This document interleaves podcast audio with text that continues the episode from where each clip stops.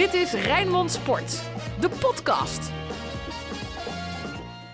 Ja, leuk dat je luistert naar een nieuwe aflevering van Podcast Feyenoord. Mijn naam is Justin Kevenaar. Samen met Feyenoord-watcher Sinclair Bisschop en chefsport Ruud van Os gaan we terugblikken op ja, de bekerblamage in en tegen Heerenveen. Maar we kijken ook vooruit naar de competitie, waarin Feyenoord richting Enschede mag om die vervelende smaak van die bekernederlaag in ieder geval een beetje weg te poetsen.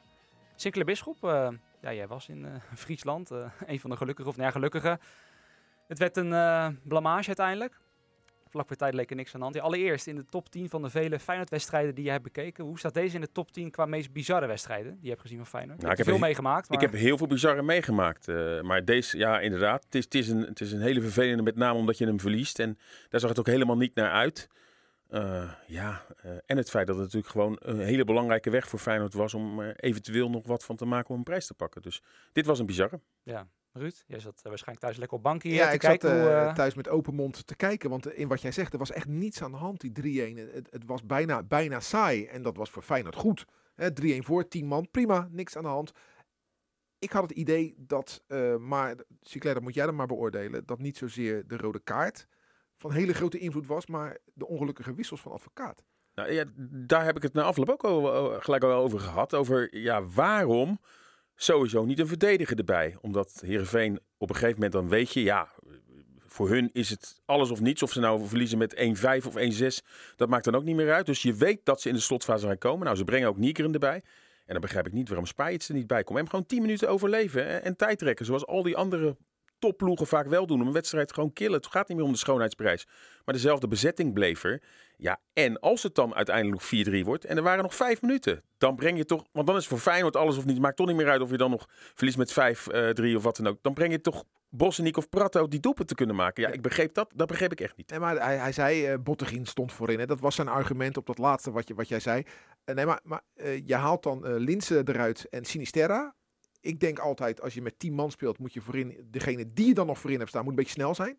Nou, dan hou je je snelheid achterin. Maar dat kan, uh, de, je snelheid voorin weg. Uh, als nou, Haps kwam erin, hè? dus ook wel snel. Ja, maar met alle respect voor Haps, kan lekker verdedigen op linksachter. Maar is natuurlijk een ongeleid projectiel in voorwaartse richting. Nee, absoluut. Maar die, die, qua snelheid was ja, hij dan wel ja, degene die... Even, even gechargeerd gezegd had hij ook Usain Bolt in kunnen zetten. Dan moet hij wel een beetje kunnen voetballen. Snel, maar, ja. maar, maar uh, het zou kunnen, maar dat weet ik dus niet. Uh, dat Sinisterra op was in het Roodstad, dat, dat hij daardoor eruit moest. Linse gaf het aan. Ah, kijk, dat is een ander verhaal. Maar ja, ik vond met de statische Jurgensen speelde die Heerenveen helemaal in de kaart. En die Want, er geen zin in leek te hebben. Ja, uh, dat ook nog eens. Maar dat weet je niet van tevoren. Maar ik vond zijn wissels, uh, ja, daar ging het volgens mij uh, in mis. Al dan niet gedwongen. Absoluut. Uh, maar, met name nogmaals, dat er, ja, toch een verdediger erbij. En dan overleven en negen minuten overleven uh, dat, met, met een man minder. Dat heeft Feyenoord in het verleden vaak bewezen dat ze dat kunnen. En gewoon naar voren trappen, ballen de tribune in. De, die hoeft de schoonheidsprijs niet te krijgen. Advocaat is ook juist van heel erg verdedigend spelen. Maar nu bleven ze eigenlijk in de normale samenstelling spelen. Ja, advocaat was sowieso zichzelf niet. Hè? Want, want dan, dan na afloop dan blijft hij bij die tunnel staan om de scheidsrechter uh, de waarheid te vertellen vind ik, eh, iemand van zijn statuur moet dat niet doen. Als je dan echt boos bent, ga naar binnen en sla hard op de deur. Dan ben je het kwijt. Want dit was iets wat gênant, vond ik. Maar ook na afloop zijn uitleg ging hij heel erg zich druk maken over een strafschop die gem gemist was. En die overgenomen werd, maar die werd helemaal niet overgenomen. En ik denk, het was een beetje raaskallen bijna. Ja, dat had dan wel met de irritatie. Die zagen we wel, hè? met name bij John de Wolf ook. Uh, de beslissingen van de scheidsrechter. Maar ja, je mag Marsman wel aankijken. Want hoe die nog die overtreding begaat, nou ja, waardoor het een penalty wordt. Als advocaat had gezegd, ik ben boos op de scheidsrechter, want Veerman maakte een overtreding op Marsman. Dan kan je nog zeggen, kan je het niet mee eens zijn, maar dat kan ik nog begrijpen. Maar nou zat hij maar door te emmeren over een strafschop die Heerenveen gewoon gemist had. denk ja, dit is helemaal niet van invloed geweest op het verloop van de wedstrijd. Maar hij bleef er maar over doorgaan en uh, overnemen. Nou, hij werd helemaal niet overgenomen. En toen was de VAR wel wakker. Die was op andere momenten niet wakker. Ja, ik dacht ook hoor, bij, Veerman en Marsman. Ja, je hoeft de keeper maar een klein beetje een duwtje te geven en hij is uit balans. Dus was het geen overtreding. In het 5 meter gebied. Maar ja, ja, dat telt niet meer hè? Dat nee, telt niet meer. nee, dat klopt. Maar heel vaak zeggen wij ook bij dit soort overtredingen, dan moeten we gewoon eerlijk zijn van, ja, uh, laten we net doen van Engeland. Want voor elk wisselwasje, het is geen zaalvoetbal. Ik vind dat hij zich ook wel wat mannelijker in dat uh, doel had uh, mogen Zonder verdedigen. meer, zonder meer. Maar ook een lichte overtreding is een overtreding. Tuurlijk, hij moet zijn kop van zijn romp slaan, bij wijze van spreken. Maar ook als hij een, een duel is, een duel. Ja, het is wel een heel cruciaal moment geweest. Ja. Hè? Want het overleeft Feyenoord mogelijk 10 minuten. Maar Feyenoord volledig uh, van, van slag in die slotfase. Ja, en... eh, Maar goed, die nou, nou moet ik wel zeggen, nou zegt iedereen dat Feyenoord de beker verloren heeft. Mhm. Ik moet wel zeggen, eh, een hele mooie wedstrijd in het vooruitzicht. Hè? Want dan moet je eerst nog maar eens van Ajax zien te winnen. Ook nog eens een finale. Maar goed, dit gaf nog wel de komende maanden het seizoen nog een beetje echt kleur. Nou ja, en toch vooral de manier waarop. Ik bedoel, oké, als je wordt uitgeschakeld, hè, nipt de 1-0 of zo, hoe gek het dan ook klinkt, dat komt denk ik minder hard aan dan nu, waar je echt gewoon totaal implodeert in de laatste 10 minuten. Hè. Zeven minuten, daar in een tijdsbestek van zeven minuten viel lagen er ineens drie en was het 4-3. Terwijl daarvoor niks aan de hand was. Maar misschien gaan we ook iets te makkelijk voorbij aan die rode kaart van Berghuis. Want pakt hij die rode kaart niet, Sinclair, dan komen ze denk ik überhaupt niet in deze situatie terecht. Ja, met name die overtreding in de eerste helft op Kijp, hè, de doelpunt te maken. Of nee, op Veerman. eh, dat was gewoon echt een frustratieovertreding. En na afloop zegt hij, ja, er moet soms de toon worden gezet. Maar daar is hij niet voor. Eh, en, en ja, die gele kaart was gewoon heel erg duur. Nou, die tweede overtreding kan ik me voorstellen dat hij dan iets te laat is. Ik kan je zeggen, mag niet gebeuren. Maar ja, dat, is in, dat, dat, dat gebeurt op een gegeven moment. Als je voor de bal gaat en je bent te laat, kan je jezelf niet meer inhouden. Maar ja, dus die eerste gele kaart was heel erg duur. En je zeker als aanvoerder die daardoor eh, ja, tussen aanhalingstekens het team in de steek laten. Juist, juist het voorbeeld moet geven. Ja, we hebben natuurlijk al vaker momenten mm, in wedstrijden gehad. En dan kwam hij ermee weg dat het net geen rode kaart was of wat dan ook. Ja, nu wel. En je ziet hoe duur dat kan zijn. Ja, het, het blijft toch een opmerkelijk verhaal. Hè? Want, want dat randje wat aan hem zit, dat komt eh, ja, soms heel positief naar buiten, soms heel negatief. Maar het blijft toch opmerkelijk dat deze jongen relatief gezien niet duur is. Goede cijfers kan overleggen, goals en assists. En toch niet wordt opgepikt door andere clubs. Dat zegt iets. En ook in Oranje nooit eh, eh, Ja. omstreden. Hè? Ik bedoel, hang- hangt daar een beetje tegenaan. Ja. En, en, en ja, dat, dat zegt inderdaad wel iets. En ja, ook nu eh, denk ik ook dat Frank de Boer hier niet blij mee is wat hij ziet. Hè? De bondscoach, de huidige Ja. bondscoach, die, die, die dadelijk een afweging moet gaan maken. Stenks wel, Berghuis wel, of misschien wel een Lang of een, eh, een, een, een, een andere speler op die positie. Dan ga je toch dit soort dingen ga je toch wel meenemen. Want je zit niet aan, aan te denken dat je straks in een kwart of halve finale staat.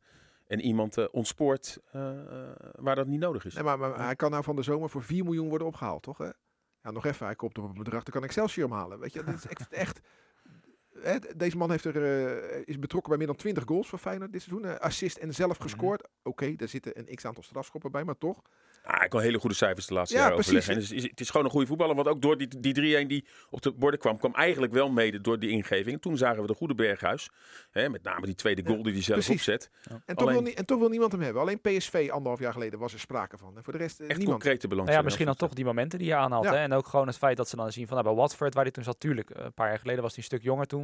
Hè, dat het daar, echt, daar is hij überhaupt nooit in beeld geweest. En dan heb je het gewoon over de onderkant Premier League, waar hij überhaupt nooit aan, aan bod kwam. Ja. Dat topclubs dat meenemen, denk ik. Of gewoon subtop, hè. Noemen Sevilla's. eh, Ja, Lazio, moet ik wel zeggen, Roma's, onderkant. Premier League, dat, daar, dit soort type Tuurlijk. voetballers lenen zich niet voor de spel bij een ja. onderkant Premier League. Maar Nee, hij maar is ook je, dan niet goed genoeg voor de top Premier League. Dus dan moet je hopen dat een ploeg als Everton of zo, Ja. dat je daarvoor wordt gehaald. nee, maar als, als, als je ziet dat Manchester United 80 miljoen betaalt voor Harry Maguire. Dan, eh, ja, weet je. En dan Ja. zou er in Engeland niemand zijn. Ook niet misschien een niveautje lager. Of in Spanje of in Italië of in Frankrijk, Duitsland. Die, die dan die 8 miljoen. Zo, want zoveel kosten die voor Berghuis eh, wil betalen. Vind ik veelzeggend. Aflopend contract, nou, die, die- die- hij heeft nog maar één jaar. Dus Ja. Feyenoord moet dan beslissen wat ze met hem gaan doen. Gaat hij dus weg? Nou, daar ziet het er dan naar uit. Of ga je met Arne Slot toch een traject met hem in dat, je, eh, eh, dat, dat hij blijft? Dan moet je, zou je moeten verlengen. Ja, ik denk dat het wel een, een vraagstuk zal zijn. Wat ga, je, wat ga je doen met deze speler? En Ja. wat kan je doen met zijn eh 1,8 miljoen euro salaris? Ja. Want als je dat kwijt bent, wat kan je daar dan... eh, Ja, dat is vooral in deze tijd natuurlijk. Hè. Van Ja. de week ook een artikel van Dennis van Eersel op onze site. eh, dat ging ook specifiek ook om het stadion natuurlijk. eh, ja, dat de coronacrisis, en natuurlijk, dat is een hele, voetballerreizen, maar misschien bij Feyenoord dat ze daar gevolgen nog wel net iets harder voelen, toch? Ja, per wedstrijd. Hè. 9 ton omzet wordt er eh, gemist bij thuiswedstrijd. Eh, en überhaupt natuurlijk alle andere eh, bedragen die niet binnenkomen. Dan het feit dat er waarschijnlijk, ziet het nou dat er helemaal geen publiek meer welkom is. En dan moet er straks een restitutie zijn richting die seizoenkaarthouders. Wat van tevoren is afgesproken, wat ook een fix bedrag is. ja, maar daar kunnen ze van afzien, hè? Dat, dat kan. Daar kunnen ze van afzien, maar het is niet reëel te denken dat iedereen daarvan afziet. Dus je moet ongetwijfeld daar toch ook wel weer eh, eh, geld voor. Dat denk ik wel, maar ik denk dat heel veel mensen er af gaan zien, al was het alleen maar om hun clubpie te redden, te steunen. Denk ja, ik. dat zou een heel mooi gebaar zijn. Heel veel supporters hebben natuurlijk ook vorig jaar al dat gebaar gemaakt. Hè, toen in maart de competitie stil werd gezet en de rest van het seizoen eh, de wedstrijd. Dus ja, hoe ver gaat die lo- lo- loyaliteit? Ja, en een heel groot vraagstuk binnen Feyenoord, maar en binnen de hele voetballerij is ook... eh, ja, wanneer krijgen we groen licht of er eventueel wel in het komend jaar met publiek en volle Ja. stadions gevoetbald gaat worden? En Mm. eh, in mei ongeveer worden eigenlijk altijd alle seizoenkaarten Ja. weer Als je, als dan nog geen maar als duidelijkheid je dan nog hebt, geen duidelijkheid Ja. inderdaad. Nou ja, Kijk, ze gaan natuurlijk wel dit weekend experimenteren. Onder andere NEC de Graafschap, ondanks dat men daar niet heel erg warm in nou, verloopt, geloof ja, ik. 1500. Eh, eh, 1500 man wordt eh, heel voorzichtig en geëxperimenteerd. dat worden er 1100 en dan in zes zones. En wel mondkapje, Ja. geen mondkapje. Ja, op die manier heb je er ook helemaal geen zin om naar het voetbal eh, te En gaan. de Nee, NOS heeft vandaag een, ehm, een specialist opgevoerd. En die zegt: eh, jongens, laten we nou niet te positief kijken naar die proef die komend weekend in Nijmegen is. Want ga er maar vanuit dat we echt in 2021 nog niet met volle stadions te Ja. maken gaan krijgen. Kijk, dat is natuurlijk wel heel eh, vervelend nieuws. Hè? Ik bedoel, eh, die man, een specialist, die zegt dat niet voor niets. Het is ja, natuurlijk ook heel reëel te denken dat we, als er straks publiek welkom is, dat dat ook maar een klein gedeelte is. En, en, en lopen supporters dan warm? Gaan ze dan weer seizoenkaarten wel verlengen? Geldt Eh, voor, heel de, voor de hele tak natuurlijk. En niet alleen Zeker. voor Feyenoord. Dus- Alleen, het is voor Feyenoord wel lullig, hè? Want, want eh, Marcos Senesi eh, is dan degene die misschien wel de meeste waarde vertegenwoordigt. Al geloof ik niet in 30 miljoen. Daar geloof ik echt Nou ja, niet als je in. 80 voor Harry Maguire neerlegt. Ja, maar ja, ik geloof er niet in. Eh Doet niet mee in Europa na de winter. eh, speelt bij een eh, subtopper in Nederland. Want zo kijken ze ernaar vanuit het buitenland. Hè. Feyenoord staat vijfde.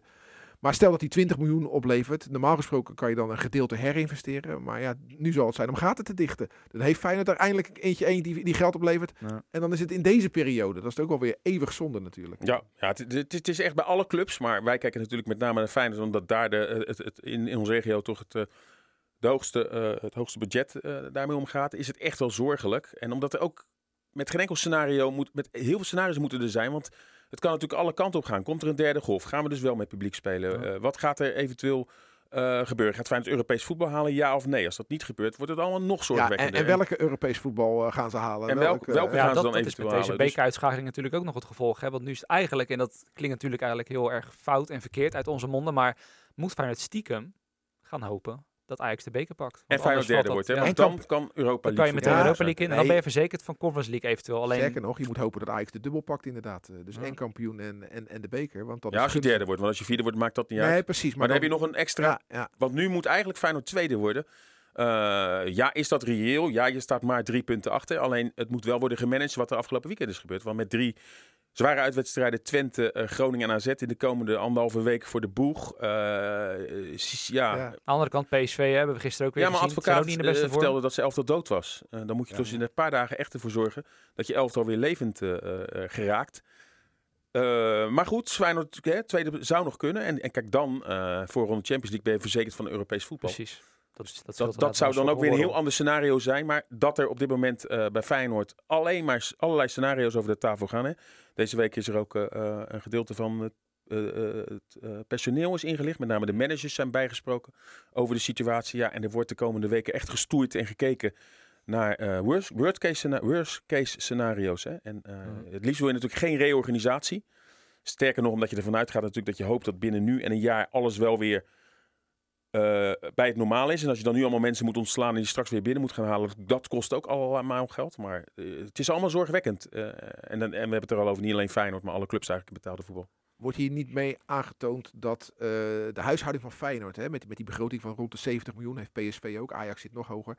Maar laten we ons op Feyenoord focussen, dat, dat, dat die huishouding eigenlijk al die jaren te veel onder druk heeft gestaan gewoon. Hè, eh, het is wel leuk dat je een begroting van 70 miljoen hebt, maar als je echt alles aan elkaar moet binden om, om die 70 miljoen aan inkomsten te hebben, omdat je dan ook 70 miljoen aan uitgiften hebt. Ja, weet je, eh, bij Ajax ligt, dat, ligt die verhouding veel anders door Champions League, door transfers. Ik begrijp het allemaal wel, maar die kunnen een tikkie hebben. Bij PSV ja, eh, is er een omgeving gecreëerd waarin ook tikkies op te vangen zijn. Maar bij Feyenoord zijn die er gewoon niet. Nee. En, en dan ben je ook nog bezig met dat stadion.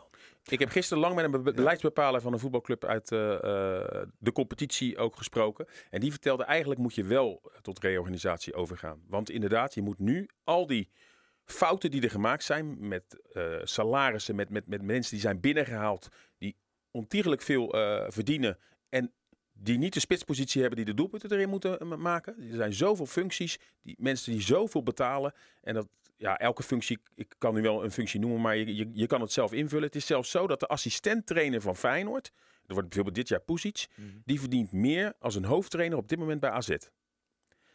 En dan zou je er nu met een reorganisatie, en dat gaat niet alleen voor dit, maar dat gaat ook voor andere eh, functies binnen, daar zou je dus wel weer normale salarissen, zodat je de komende tijd vooruit kan. Want inderdaad, er is een scheefgroei is er gekomen Ja, de laatste jaren. maar- Met, met, met ja, wat mensen. En ja, weet je, als je nu over bepaalde eh, eh, jobs gaat praten, dan zeggen mensen ja, eh, maar wij weten wat bepaalde mensen binnen Feyenoord verdienen en wat ze ervoor moeten doen.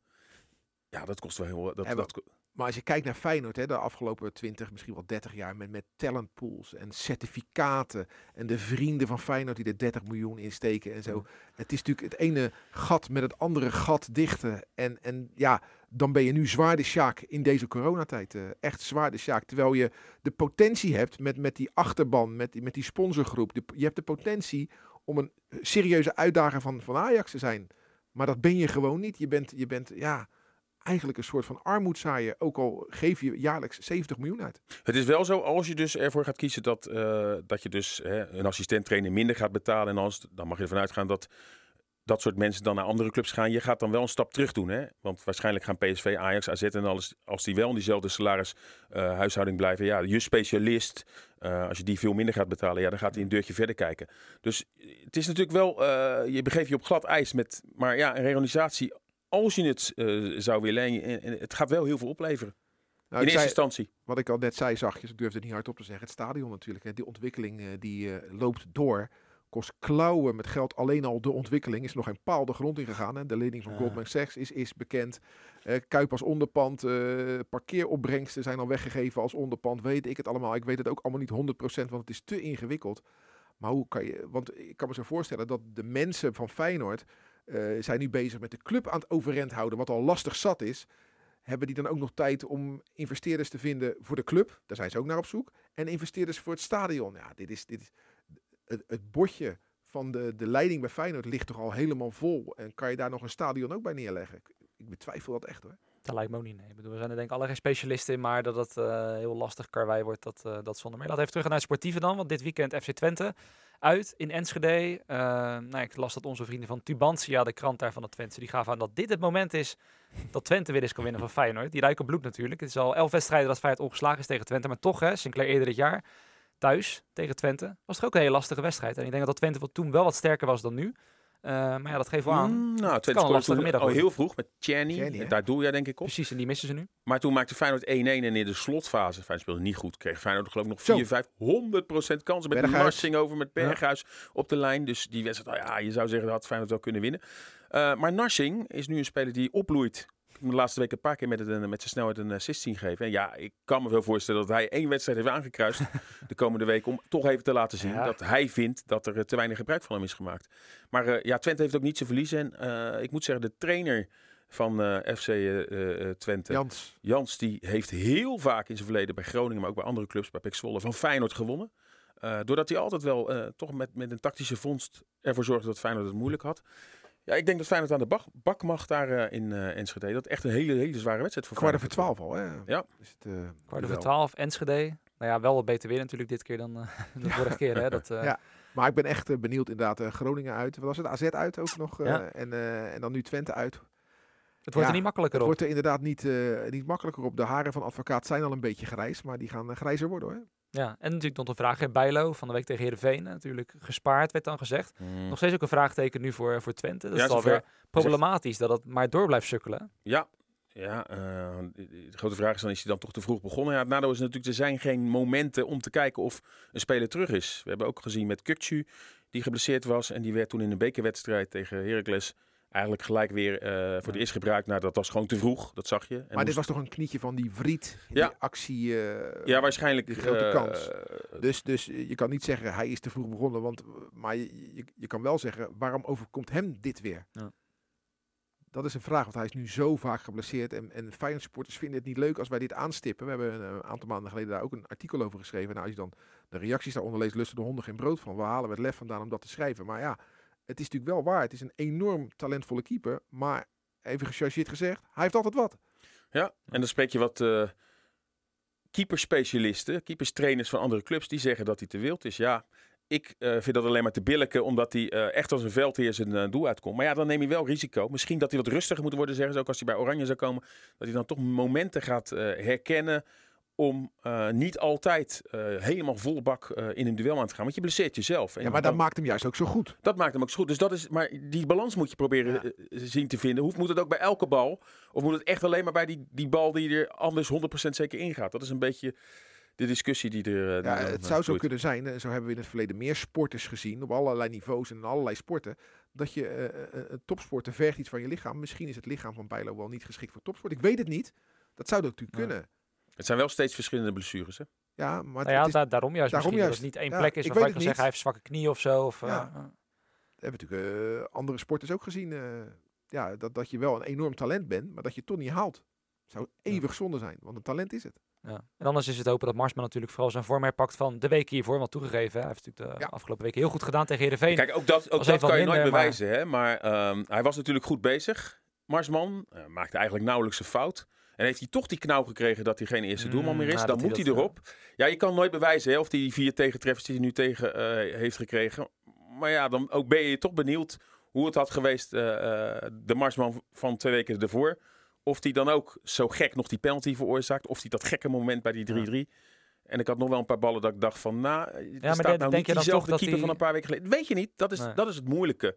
Nee, maar dat hij in zijn achterhoofd wist hij toch wel dat als Bijlo fit zou zijn, dat de club toch weer voor Bijlo zou Ja, kiezen. Een sportman. eh, Nee, maar dat hij dat toch wel, en misschien Tuurlijk. dat hij daar natuurlijk wel zegt van ik wil in het doel blijven staan, maar dat dit in zijn achterhoofd wel wist. Dat hij weer aan de kant zou worden gezet voor Bijlo. ja, ik weet niet wat de afspraken zijn gemaakt, maar je, je proeft vaak bij eh, keepers, maar ook wel vaak sowieso bij reservespelers, dat ze vaak een hele andere realiteitszin hebben, al, eh, beeld hebben. Als wij vaak denken van, ja, dan denken wij, nou, die spits is toch wel ook gewoon beter. Maar ja, een sporter vindt altijd, zeker als je goed presteert.